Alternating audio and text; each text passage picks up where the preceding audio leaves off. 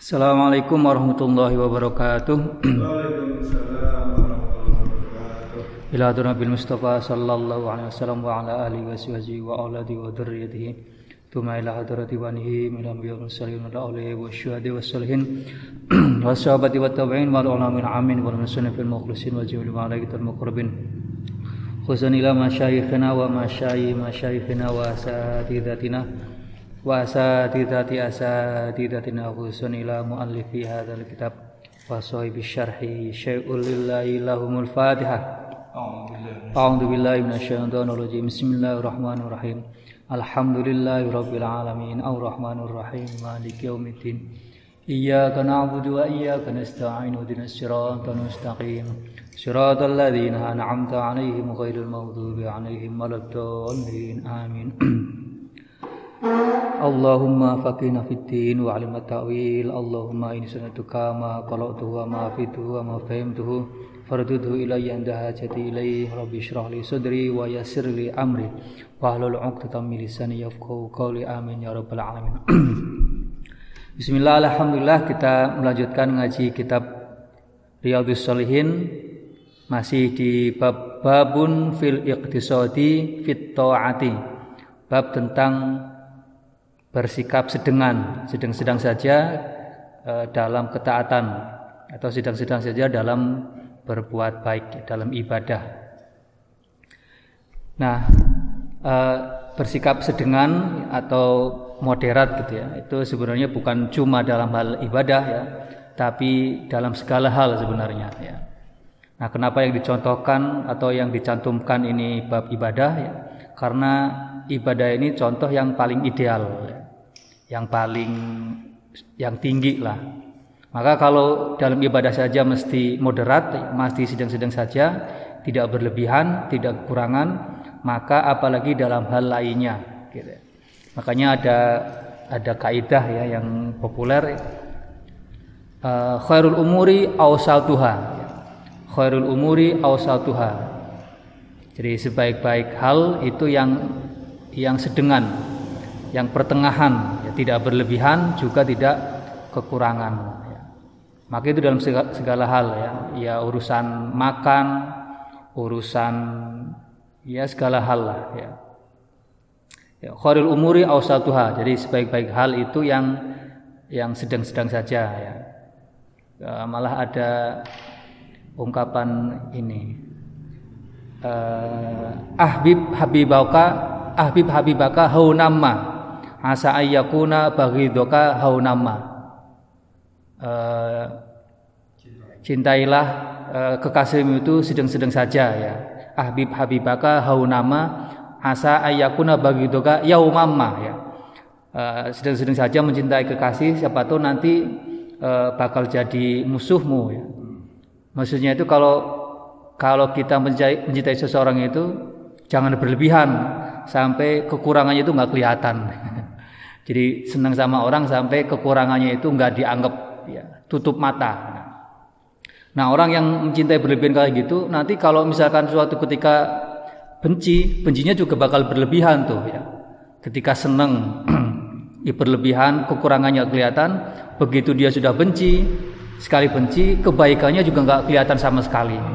Nah, akibatnya kayak gitu, karena memang berlebihan. Jadi ketika men mencintai seseorang, ya suami, istri, bahkan anak gitu ya, semua ya, mesti menyisakan ruang ya.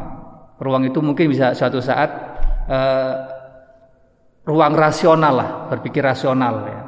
Sehingga tidak berlebihan. Begitu juga ketika membenci seseorang ya sisakan untuk hal yang mungkin bersikap rasional. Sehingga kita tidak melupakan ya uh, kebaikan ketika orang itu berbuat buruk ya terutama politik. Ya apalagi ini pada musim politik ini ya. Pasti bakal hal kayak gitu terjadi itu ya.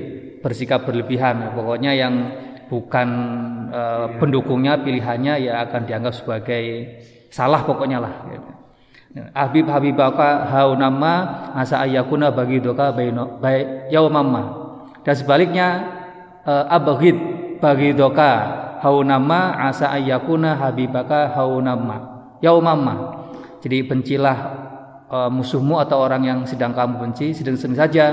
Sebab satu saat nanti jadi kekasihmu kan repot. Kalau orang yang dibenci sama sekali kemudian suatu saat akur dan itu kan pasti malu. Nih dulu orang yang saya benci kok kemudian jadi jadi teman atau malah jadi kekasih dan sebagainya. Kan juga terjadi itu di politik kan yang sekarang eh, dulu mungkin jadi lawannya ya, sekarang malah jadi pendukungnya. Nah itu kalau misalkan orang yang punya rasa malu kan pasti akan malu yang dulu membenci uh, mati-matian gitu. Kemudian sekarang malah jadi pendukungnya. Itu kan uh, ya repot lah. Makanya segala sesuatunya mesti sedang-sedang saja. Khairul umuri awsatuha Nah, di hadis ini atau di bab atau di kitab ini yang dicontohkan hanya yang terkait dengan ibadah ya, sebagai makna bahwa kalau dalam ibadah saja mesti sedang-sedang saja, maka apalagi dalam hal lain yang mungkin sebenarnya tidak penting-penting amat gitu. Kita akan melanjutkan di hadisnya. Bismillahirrahmanirrahim.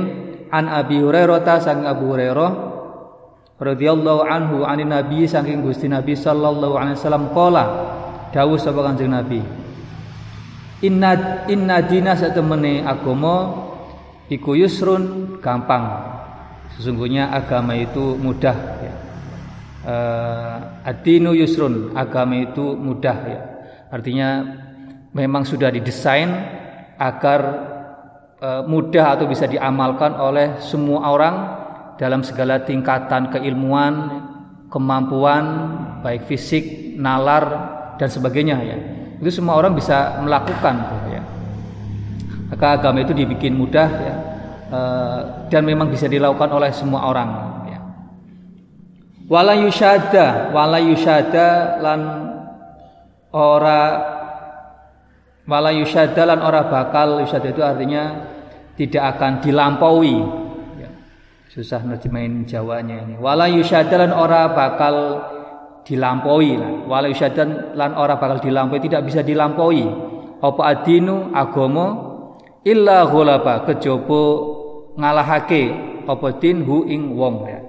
Inna dina yusrun wala yusyadda ad-dinu illa ghulabahu. Jadi kalau kita kalau seorang ya kita misalkan punya obsesi atau punya ya punya semangat untuk bisa melaksanakan uh, seluruh ajaran agama itu mustahil ya, nggak bakal ya. Walau yusyadda ad-dinu illa ghulabahu. Sebab agama itu atau kebaikan-kebaikan dalam agama itu tidak terbatas. Sementara manusia punya kekuatan yang terbatas. Ya. Sholat lima, sholat lima waktu memang terbatas itu. Yang wajib kan terbatas kan cuma lima waktu. Puasa yang wajib juga cuma bulan Ramadan. Tapi sholat sunnah, puasa sunnah itu gak ada batasannya itu. Ya, mau melakukan sholat sebanyak-banyaknya, ya. kalau mampu silakan. Ya. Nah, tapi eh, hampir dipastikan seseorang itu atau umat Islam itu tidak akan bisa eh, melampaui ajaran agama ya, melampaui ajaran kebaikan yang ada dalam agama ya. Pasti dia akan melakukan atau mengamalkan sesuai dengan kemampuannya. Ya. Nah, kalau orang punya obsesi seperti itu ya, pengen mengamalkan sebanyak-banyak ajaran agama, dia sendiri yang pasti akan akan kalah, akan kelabakan. Maka saran agama adalah lakukan ajaran e, kebaikan itu sesuai dengan kemampuan, sedang-sedang saja. Sebab yang terpenting itu istiqomahnya. Yang terpenting itu kontinuitasnya, ya, bukan bukan melakukan dalam jumlah banyak sekaligus, tapi habis itu berhenti. Nah, itu yang yang enggak dianjurkan oleh agama. Yang dianjurkan ya, ya sedang-sedang saja, tapi bisa istiqomah. Ya. ya. Walau dinu illa ghalabahu ya. Agama tidak akan bisa dilampaui. Kalau ada orang yang mampu yang berupaya berusaha untuk melampaui agama justru dia yang akan kalah ya. Nah, fasad itu mongko sedang-sedang mongko sedang-sedengan sira kabeh. Saat itu illa ghalaba eh, illa ghalaba kejaba ngalahake apa adin apa agama hu ing wong. Illa ghalaba kejaba ngalahake apa adinu agama hu ing wong. Jadi orang yang mau punya obsesi melampaui agama melakukan semua kebaikan agama itu tidak mungkin justru dia akan yang akan bakal kalah.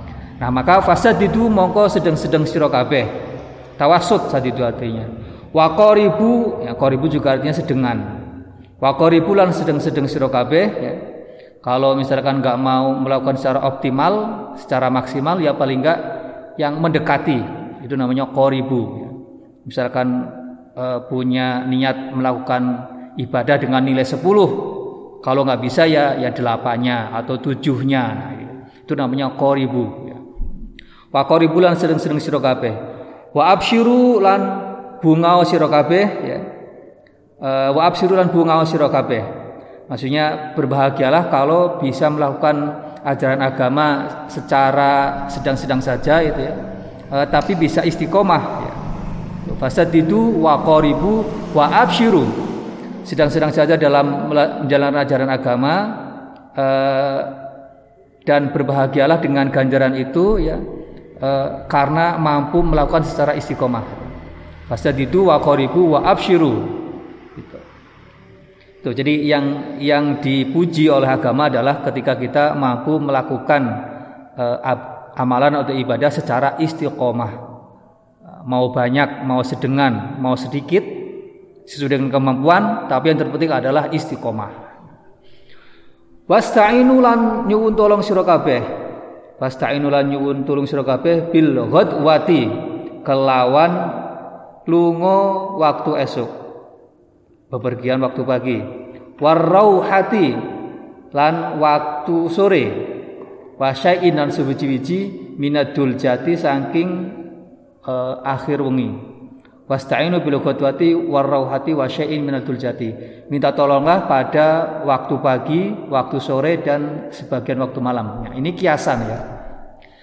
Bil ghadwati nah waktu pagi itu kan uh, biasa ya ketika seseorang masih masih semangat ya, masih seger.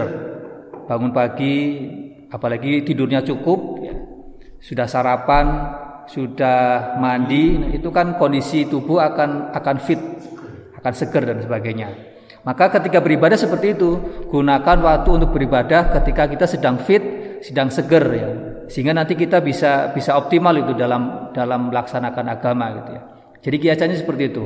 Minta tolonglah uh, pada waktu pagi maksudnya kerjakanlah uh, ajaran agama atau amalan apa pun ketika kita sedang fit. Kita lagi sehat-sehatnya lagi fit-fitnya. Maka amalan yang kita lakukan itu pasti uh, optimal dan hasilnya juga maksimal. Warau hatilan akhir uh, akhir akhir hari ya sore hari. Nah sore hari kan juga waktu ketika orang sudah istirahat ya. Kalau pagi masih seger kalau sore kerjaan sudah selesai semuanya sudah leyeh-leyeh sudah santai ya kemudian kondisi fisik sudah balik lagi. Nah, ketika seperti itu ya eh, akan akan nyaman melakukan eh, aktivitas atau kegiatan. Nah, amalan juga seperti itu ya, gunakan atau kerjakan ketika kita sedang fit. Nah, wasyai'in minatul zatilan dan sebagian dari waktu malam. Sebagian dari waktu malam ya. Maksudnya itu ya eh, sebagian waktu malam ketika kita sudah bangun tidur gitu ya untuk tahajud dan sebagainya. Nah, bangun tidur itu kan kita sudah uh, sudah fit lagi, sudah uh, tenaganya sudah dikumpulkan ketika waktu tidur sehingga ketika bangun ya kondisinya baik lagi. Tuwasta'inu bil waruhati wa minatul jati. Ini kalimat uh, kiasan. Artinya kita uh, menjalankan ajaran atau mengamalkan amalan kita ya baiknya ketika kita sedang sedang fit, ketika sedang bugar. Sehingga amalan yang kita kerjakan nanti bisa uh, optimal dan maksimal hasilnya. Rawawi sirotaki ing hadis sapa Al Bukhari Imam Bukhari. Wa fi riwayatin, nah ini dalam riwayat lain wa fi riwayatin ini bisa riwayat lahu kadue uh, Bukhari sadidu nah sadidu juga wa sadidu lan sedang-sedang sira kabeh wa qaribu ya sedang-sedang sira kabeh Waktu. Nah, kalau di riwayat lain kalimatnya waktu bukan wasta'inu bil ghadwati. Nah, sama artinya eh, apa? bepergianlah pada waktu pagi, waruhu dan pergilah pada waktu sore. Ya tadi maknanya sama ya. Eh, pilih waktu yang fit, yang yang optimal untuk melakukan aktivitas ibadah dan sebagainya ya. Jangan ketika sudah loyo ya, jangan gunakan uh, waktu jangan gunakan ibadah itu ya pada waktu-waktu sisa ya. Waktu-waktu yang mungkin kita sudah capek-capeknya gitu ya. Salat Isya misalkan uh, di akhir waktu ketika lagi kondisinya lagi capek kemudian sholat isya nanti sholatnya ya paling uh, mungkin nggak sempat wirid itu karena sudah capek habis sholat langsung tidur ya. Yang mestinya mungkin kita wiridan doa dan sebagainya. Karena kondisinya sudah capek ya sudah akhirnya kita nggak sempat yang sunah-sunah itu. Berbeda ketika kita lagi fit ya. Lagi seger ya. Maka kita akan akan mudah atau lebih semangat untuk melakukan amalan-amalan yang yang sunnah ya. Wiridanya doanya mungkin lebih lama dan sebagainya. Wa syai'un lan suwiji-wiji minatul jati ya. Uh, sebagian dari waktu malam ya. al qasda al qasda ing sedengan al qasda ing sedengan. Ai alzimu al qasda uh, apa namanya? Lakukan sedang-sedang saja. Al qasda sedengan al qasda sedengan. Tabluhu bakal tumeko sapa sira? Nah, kalau kita melakukan amalan itu sedang-sedang saja ya e, peluang untuk bisa selesai itu besar ya. Tabluhu bakal e, meraih apa yang menjadi harapan ya. Karena tadi itu ya kita melakukannya secara proporsional ya sehingga bisa sampai finish sampai akhir ya. Berbeda dengan ketika kalau kita ngoyo ya semuanya uh, karena lagi semangat kemudian tidak memperhitungkan kondisi ya maka akan akan roboh sendiri gitu ya maka yang sedang-sedang saja al qasda al qasda tabluhu lakukan sesuai dengan apa proporsinya sedang-sedang saja tabluhu maka akan sampai ke tujuan sampai kepada yang diinginkan. Qauluhu nah ini penjelasan uh, apa namanya uh, i'robnya nahwunya dan uh, perkataannya nih. Qauluhu maknane hadis adinu agomo huwa tawi hadis iku marfuun diwaca alama ing atase barang lam yusamma kang ora den sebut apa fa'iluhu fa'ile maknai nahwunya. Ini naibul fa'il maksudnya ya. Jadi pakai wala yusyadda pakai mabni majhul. Ah, maka ini jadi fa'ilnya.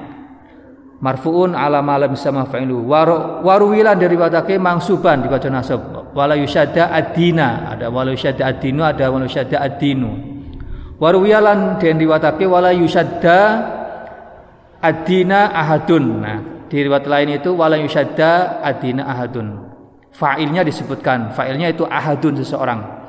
Wala yusyadda lan ora melampaui ora ora iso melampaui adina ing agama sapa ahadun wong suwiji. Tadi itu. Seorang tidak bisa melampaui semua ajaran agama. Tidak mungkin bisa melakukan semua kebaikan dalam agama. Pasti ya separuhnya saja gitu. Wa qauluhu e, dawe kanjeng Nabi sallallahu alaihi wasallam illa ghulaba illa ghulabahu nah makna illa ghulabahu ai ghulaba ngalahake hu ing ahadun sapa apa adina agama wa ajazan lan lemah apes sapa zalikal musyadu wong kang berlebihan atau berusaha melampaui an muqawamatid dini saking ngelawan agama ngelawan maksudnya bukan bukan membenci agama gitu ya. Maksudnya itu tadi itu mau melampaui ajaran agama melampaui kebaikan dalam agama itu gak, gak bakal ya. Wa ajazat dalikal musyad an muqawamatidin ya. orang yang berusaha melampaui ajaran agama kebenaran agama dia tidak akan mampu tidak akan bisa. Likasroti turukihi nah likasroti likasroti turukihi krono akehe piro-piro dalane agama karena ajaran agama itu sangat banyak tidak terbatas ya. yang terbatas itu ya yang yang wajib saja yang sunnah-sunnah itu enggak terbatas. Kalau seorang punya obsesi punya punya apa semangat untuk bisa melampaui semua ajaran agama nggak mungkin mustahil ya. Walau itu mana khutbah sairu awalina hari melaku uh, awal dino ya. Pagi lah walau uh, pergi pada pagi hari berangkat pagi war warauhatu akhirun hari rauha itu akhir hari sore wadul jatuh mana dulja iku akhirul laili uh, akhir malam ya sepertiga malam. Nah, kenapa kok yang dipilih sepertiga malam? Ya karena ini lagi-lagi kembali ke tradisi Nabi ya Nabi itu kalau sholat kalau tidur itu cepat tapi Isa biasa langsung tidur ya. Maka ketika sepertiga malam terakhir itu beliau bangun, ya itu sudah fit kondisinya ya. Waktu yang fit untuk bisa ibadah dan sebagainya. Wahadalan utawi iki-iki kalimat iku isti'aratun isti'arah kiasan wa tamthilun dan tamthil perumpamaan. Ya tadi itu ya. Minta tolonglah pada waktu pagi, waktu sore dan waktu malam itu perumpamaan. Makna wa makna hulan utawi maknane isti'arah atau maknane kalimat tadi itu ista'inu nyuwun nyuwun tulung sira kabeh ala taatillahi ing atase taat maring Gusti Allah azza wa jalla bil a'mali ing dalam pira-pira amalan fi waqti nasyatikum. Nah fi waqti nasyatikum ing dalam waktune semangate sira kabeh. Wa faraghi kulubikum lan luwangi kosonge pira-pira ati sira kabeh bihaitsu kelawan sekirone tas talidhu uh, eh, ngalap enak sapa sira? Bisa merasakan nikmat sapa sira? Al ibadata ing ibadah. Wala tas amuna lan ora bosen sapa sira. Nah ini. Jadi ini tadi yang tadi sudah dijelaskan jadi Pak minta tolong pada waktu pagi waktu sore dan sepertiga malam terakhir itu sebagai kiasan agar kita melakukan ibadah itu pada waktu-waktu yang fit, ya, waktu-waktu yang kita lagi seger, ya, uh, seger lahir batin, ya. ya. Sehingga kalau kita melakukan amalan pada waktu-waktu seperti itu, ya kita akan bisa menikmati ibadah tersebut, ya. Bihai tutas talidu al ibadata walatas amun. Kita nggak nggak bosen, ya, karena memang uh, kondisi kita ya, sedang siap untuk bisa melakukan ibadah itu. Ya kalau kondisinya sudah siap ya kita akan bisa menikmati. Watablughuna lan teko tumeka sapa sira kabeh maksudakum maksudakum ing tujuan sira kabeh kang den sejo sira kabeh maksud sira kabeh nah, akan sampai pada uh, yang diharapkan dari ibadah tersebut ya. akan mencapai target lah kira-kira misalkan uh, uh, punya niat nanti malam mau sholat tahajud 20 rakaat misalkan. Tapi nggak di tapi begadang dulu itu tidurnya cuma 30 menit ya. paling sudah dua rakaat atau empat rakaat sudah selesai itu ya karena memang tidak disiapkan sebelumnya ya. Beda misalkan kalau tidur cepat kemudian jam tengah tiga bangun atau jam tiga bangun ya dari jam 3 sampai jam sampai waktu subuh ya kita bisa melakukan banyak banyak amalan yang yang memungkinkan pada waktu-waktu tersebut ya. Karena kondisinya sudah fit Kama annal musafir kaya oleh satu menit musafir wong kang lelungan al hadhiqa kang cerdas. Al hadhiqa kang cerdas. Iku yasiru mlaku lunga sapa musafir hadik Gus Isom hadik namanya Isom hadik ini Mas. Gus Isom, Gus Isom hadik, Isom hadik kan namanya Isom hadik itu orang orang yang cerdas, hadik itu artinya orang yang cerdas.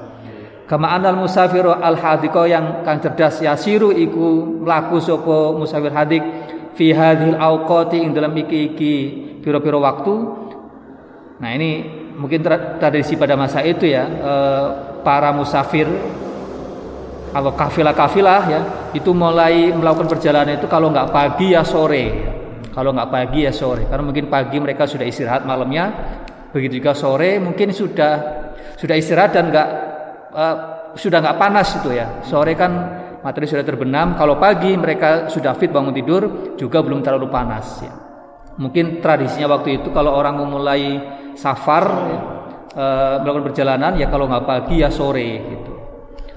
Watasri yasiru fi hadil awqat wa yastarihu lan istirahat huwa sapa huwa al musafir wadabatuhu lan tunggangane musafir fi weriha ing dalam liyane hadil awqat. Nah, mulai perjalanan mulai pagi, mungkin begitu uh, jam 10 yang sudah mulai terik, mereka istirahat ya. Pagi ketika fit mulai perjalanan, ketika sudah sangat panas terik, mereka istirahat ya. Fayasilu mongko teko sopo musafir al maksuda ingkang den sejo tujuan biweri ta'abin kalawan tanpo tapi itu lelah ya kesel. Wallahu alam. Nah, itu hadis baru. Wa an Anasin yang saking sahabat Anas radhiyallahu anhu. Kala wis ngucap sapa Anas dakhala lebet sapa Nabi Kanjeng Nabi sallallahu alaihi wasallam al masjida ing masjid. Faida mong faida ujug-ujug hablun uh, tali mamdudun mamdudun itu memanjang. Ada tali. Jadi suatu malam gitu ya Nabi masuk ke masjid uh, dan tiba-tiba di masjid itu ada tali yang memanjang gitu ya. Baina sariyata ini dalam antara ini tiang lo, loro. E, di antara dua tiang di sokone masjid ya di tiang masjid. Di masjidnya sudah ada tiangnya ini. Jadi Nabi masuk ke masjid ada tiang dan di antara tiang itu ada ada tali. Fakola mongko mongko takon. Sapa kanjeng Nabi? Ma ma iku apa hadal hablu utawi iki iki uh, tali. Nah tali apa ini? Heran kan karena kan tali mungkin bukan sesuatu yang biasa ada di dalam masjid ya. Jadi ketika Nabi lihat ya, ya mengherankan ya Kalu jawab sopo sopo sopo wong nih orang yang yang di situ mungkin ya. Hada utawi iki iki tali iku hablun. Tali li Zainaba kaduwe Zainab. Faida fatarot mongko tatkalane lemah lesu ya, sudah capek. Sopo Zainab ta'allaqat eh, apa naleni atau gantungake eh, sopo Zainab bihi kelawan hablun Nah, jadi Nabi masuk ke masjid, kemudian ternyata di situ ada tali. Ternyata itu talinya Zainab, ya, yang biasa digunakan oleh beliau untuk sholat, ya. Jadi uh, sudah dijelasin sebelumnya. Jadi sebelum ada kewajiban sholat lima waktu itu, ya, umat Islam juga sudah sholat, ya. Uh, tapi sholatnya ya seperti itu. Uh, mereka berlebihan kadang-kadang sholatnya, ya. Uh, sepanjang sepanjang malam digunakan untuk sholat dan biar nanti nggak ngantuk ya biar nggak geludak misalkan itu ditaleni ya. sehingga ketika uh, uh, sudah ngantuk mau geludak tertahan oleh tali itu itu tradisinya pada masa itu masa itu seperti itu nah termasuk Zainab juga melakukannya itu ya jadi uh, bikin tali ya sehingga kalau misalkan sudah capek sudah agak uh, sudah mungkin ngantuk capek ngantuk bukan malah istirahat tapi malah melanjutkan terus sholatnya dan diikat gitu biar biar nggak ngeludak biar nggak ngantuk gitu ya. Kalau ngantuk biar nggak jatuh. Nah itu ternyata punya Zainab. Zainab ini Zainab e, binti Jashin ya. Suaminya istrinya Nabi ya. Ini Zainab istri Nabi ya. Zainab binti Jashin nah, nah Zainab binti Jashin ini e, istri sekaligus sepupunya Nabi jadi Nabi itu menikah dengan sepupu namanya Zainab. Sebab Zainab, Zainab itu Zainab bin Jashin, bapaknya namanya Jashin. E, ibunya namanya Umaymah. Ya, Umaymah, ibunya nama Umaymah. Umaymah ini bibinya Nabi ya. Berarti Umaymah itu anaknya Abdul Muthalib ya. Abdul Muthalib kan bahnya Nabi. Punya anak namanya Umaymah, Umaymah punya anak namanya Zainab. Berarti sepupunya Nabi ya. Jadi Nabi menikahi sepupunya. Nah, pernikahan Nabi dengan Zainab ini ya eh, yang yang merupakan sepupunya ini bukan pernikahan biasa ya. Jadi pernikahan Nabi dengan Zainab itu eh, atas perintah Allah ya. Jadi sebelumnya itu Zainab ini eh, ketika nikah dengan Nabi itu dalam dalam kondisi janda ya. Janda dari namanya Zaid bin Harithah. Mungkin pernah dengar ceritanya ya Zaid bin Harithah. Nah Zaid bin Haritha ini anak angkatnya Nabi. Anak angkatnya Nabi. Awalnya uh, Zaid bin Haritha ini uh, budak ya pada masa jahiliyah, kemudian dibeli oleh Nabi, kemudian dibebaskan jadi orang merdeka, kemudian diangkat oleh Nabi menjadi anak angkat Nabi. Nah kemudian oleh Nabi uh, Zaid bin Haritha ini dijodohkan ya dengan si Zainab dengan sepupunya Nabi itu ya nikah dan sebagainya mungkin karena Zainab ini kan dari punya relasi dengan Nabi ya e, saudara Nabi dan nasab Nabi itu kan mulia ya e, terpandang lah di di masyarakat. Sementara Zaid ini dia mantan budak, mantan budak. Ya. Nah kalau mungkin perempuan kan ini ya punya gengsi ya, uh, merasa dari keluarga yang terpandang kok nikah dengan uh, kalangan budak ya. Bisa jadi ada perasaan seperti itu ya. Nah ketika pernikahan sudah sampai usia baru satu tahun, uh, Zainab binti Jahsy ini sudah mulai merasa seperti itu ya, merasa ya barangkali karena uh, posisinya nggak seimbang dengan dengan laki-lakinya itu yang mantan budak ya. Oleh karena itu mungkin mulai terjadi inilah masalah keluarga, mulai ya mulai nggak akur lah kira-kira ya. Uh, ketika kondisi seperti itu Zaid bin Haritha sebagai anak angkat Nabi curhat ke Nabi ini ya. Nabi kira-kira Nabi saya ini kondisinya seperti ini ya. Uh, nggak tahu kondisi seperti apa nggak di, disebutkan yang jelas uh, kira-kira Zaid ini curhat kepada Nabi soal kondisi keluarganya dengan Zainab ya ya kira-kira persoalan itulah kemudian oleh uh, Nabi ya sudah kamu bertahan aja ya bertahan aja. Karena Nabi yang nyuruh ya yang yang menjodohkan dua orang itu ya maka ketika Nabi memutuskan apakah uh, dua pasangan ini harus cerai atau lanjut ya Nabi nunggu wahyu gitu ya. Nabi nunggu wahyu. Karena wa, karena Nabi yang menjodohkan dan belum ada wahyu yang menyuruh berdua itu cerai ya Nabi perintah Nabi ya kamu sabar aja dengan dengan Zainab ya. E, sabar e, lakukan kehidupan suami istri sebagaimana biasanya saja ya.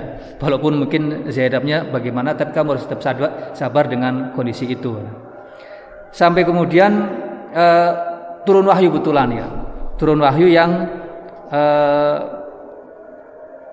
yang intinya sebenarnya jodoh yang sebenarnya dari Zainab itu bukan Zaid bin Harithah. Maksudnya itu uh, jodoh yang secara takdir gitu ya. Jadi di awal itu ya memang pilihan Nabi tapi berikutnya ya jodoh yang sebenarnya dari Zaid, dari Zainab itu Nabi Muhammad untuk suatu alasan. Alasannya apa? Yaitu bahwa uh, pada masa itu ada ada anggapan ya, kalau anak angkat itu sudah seperti anak sendiri gitu ya ketika anak sudah diangkat sebagai anak ya sudah seperti anak nasab gitu ya.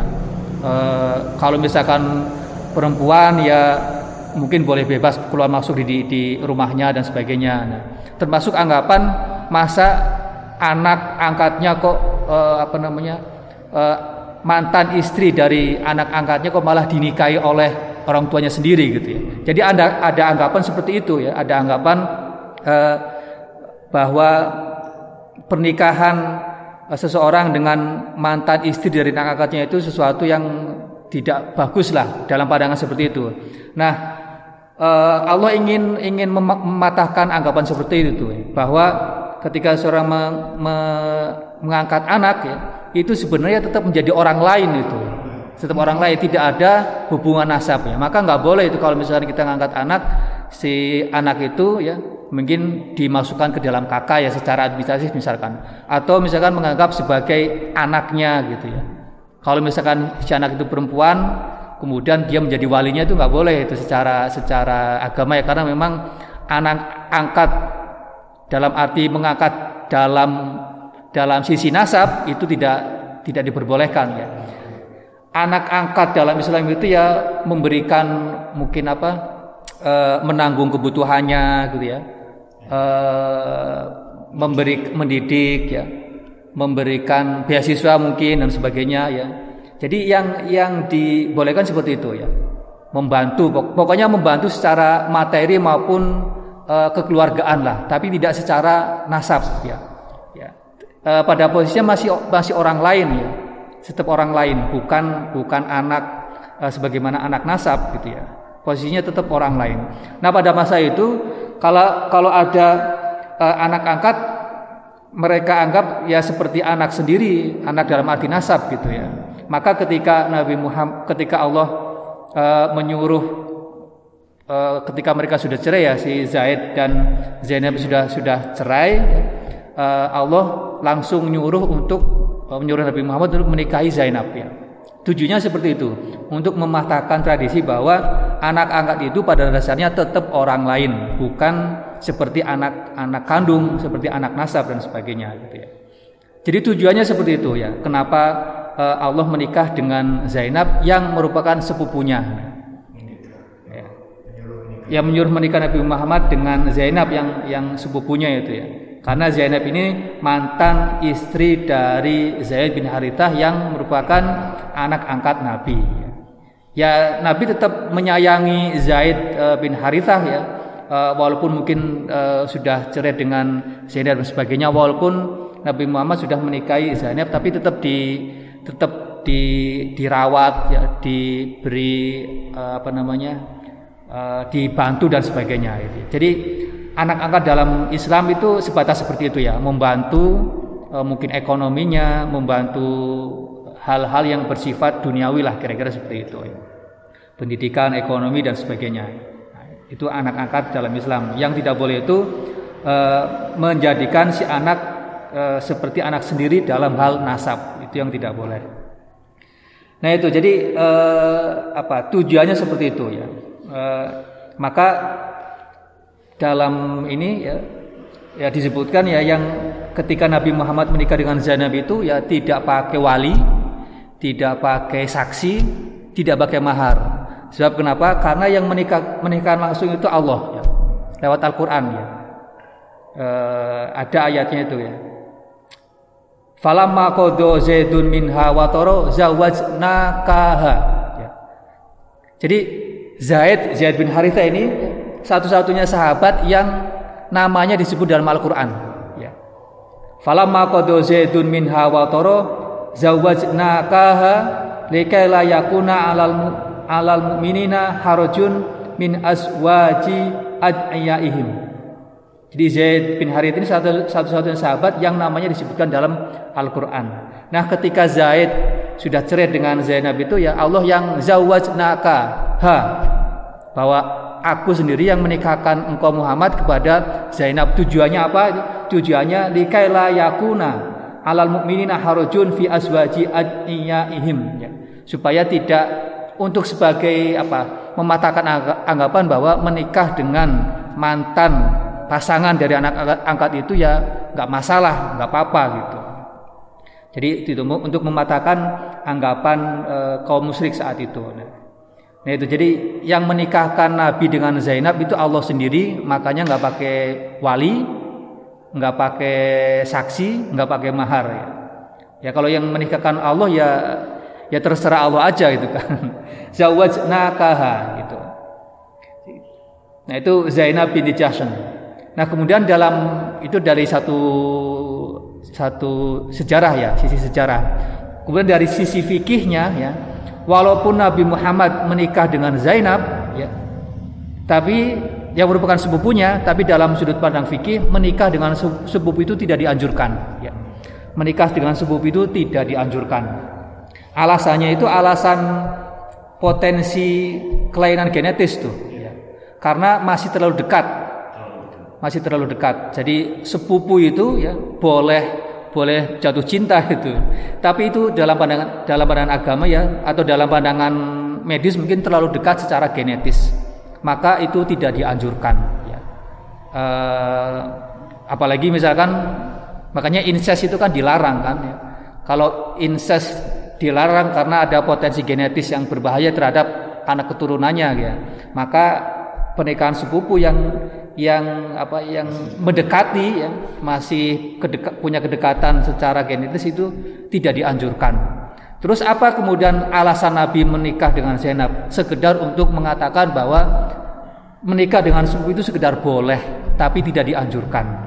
Sekedar mubah bukan sunnah ya apalagi wajib gitu kan ya. Jadi sekedar seperti sekedar untuk menunjukkan bahwa menikah dengan sepupu itu boleh, bahwa sepupu itu eh, apa? bukan mahram ya. Sepupu itu bukan mahram. Eh, pihak yang boleh dinikahi, ya. Boleh. Tapi yang garis perempuan yang secara umum Mas. Jadi pokoknya sepupu boleh. Boleh sepupu itu boleh. Pokoknya sepupu ya Pokoknya sepupu itu boleh. Yang tunggal lembah itu kan boleh ya. Tunggal lembah. Tunggal lembah kan boleh. Kan ada yang bilang dari garis laki-laki nggak boleh, kalau perempuan boleh. Boleh semuanya dari pokoknya statusnya sepupu itu boleh. Ya. Tunggal lembah. tunggal mbah. Itu makanya kan di kalau di tradisinya sesama kiai kan kayak itu kan punya pesantren besar dan sebagainya dinikahkan uh, dengan tujuan untuk menguatkan kekeluargaan gitu kan ya. Nah itu dari dari sisi fikih, dari sisi fikih seperti itu ya. Pernikahan dengan sepupu itu tidak tidak dianjurkan ya. Dan pernikahan Nabi dengan Zainab yang merupakan sepupunya itu sekedar untuk menunjukkan bahwa pernikahan antara sepupu itu cuma boleh. Ya, boleh itu ya mubah ya. E, tapi kemudian diturunkan statusnya menjadi makruh. Sebaiknya tidak dilakukan karena alasan genetis itu ya. Ya dan Nabi Muhammad dengan Zainab sendiri kan nggak punya anak kan, nggak punya keturunan ya. Bisa jadi hikmahnya seperti itu karena seandainya mungkin punya keturunan dari Zainab ya punya potensi yang uh, berisiko secara genetis gitu. Nah itu hada hablun li Zainaba, talinya Zainab ya. uh, yang digunakan untuk uh, sholat kalau uh, Sayyidah Zainab ini kalau sudah merasa lesu, sudah merasa capek gitu ya maka diikat biar nggak jatuh, biar nggak ngeludak ketika e, ngantuk dan sebagainya. Ta'allaqat bihi. Fakola sedikit lagi nih. Fakola mongko dawuh sapa Nabi Kanjeng Nabi sallallahu alaihi wasallam. Hul hul apa nih? Hulla hulla ngudarono sapa sira. Hul hulu itu hulu atau hulau Mas? Harokatnya lam atau fathah atau doma itu. Hulu ya? Hulu atau hulau hulu ya. Ya ini karena mukhotabnya ya, jamak ini. Hulu ngudarono sira hu ing habel tali. Karena melihat tali itu uh, minta dilepas itu. Liyusolli supaya salat sira liyusolli supaya salat ahadukum. Sapa sira kabeh? Nasyatahu ing waktu semangate ahadukum. Ya, kalau mau sholat, sholat saja ketika lagi semangat. Kal ketika sudah ngantuk ya tidur. Kalau sudah capek ya istirahat, jangan dipaksakan terus sholat ya. Faida fataro, faida fataro mengkotat kalane lemah, sudah capek. Ya.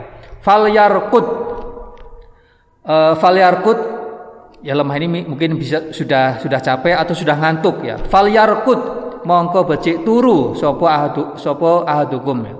Kalau sudah ngantuk, sudah capek ya istirahat. Kalau ngantuk ya tidur. Nanti kalau sudah sudah kembali bugar bisa lanjutkan sholatnya ya. Hulluhu yusolli ahadukum nasyatuhu fa idza far, far fal yarkut ya. Sebaiknya kita menjalankan sholat terutama sholat sunnah ya. Ketika kita lagi fit ya, ketika lagi bugar. Kalau sudah ngantuk kalau sudah capek ya istirahat. Nanti kalau sudah bugar bisa lanjutkan sholatnya. Kalau ngantuk ya tidur. Nanti kalau sudah ngantuknya sudah hilang, sudah tidur, bisa dilanjutkan sholat lagi gitu. Ini terkait dengan sholat-sholat sunnah gitu. Muttafaqun alaih. Wassalamualaikum warahmatullahi wabarakatuh.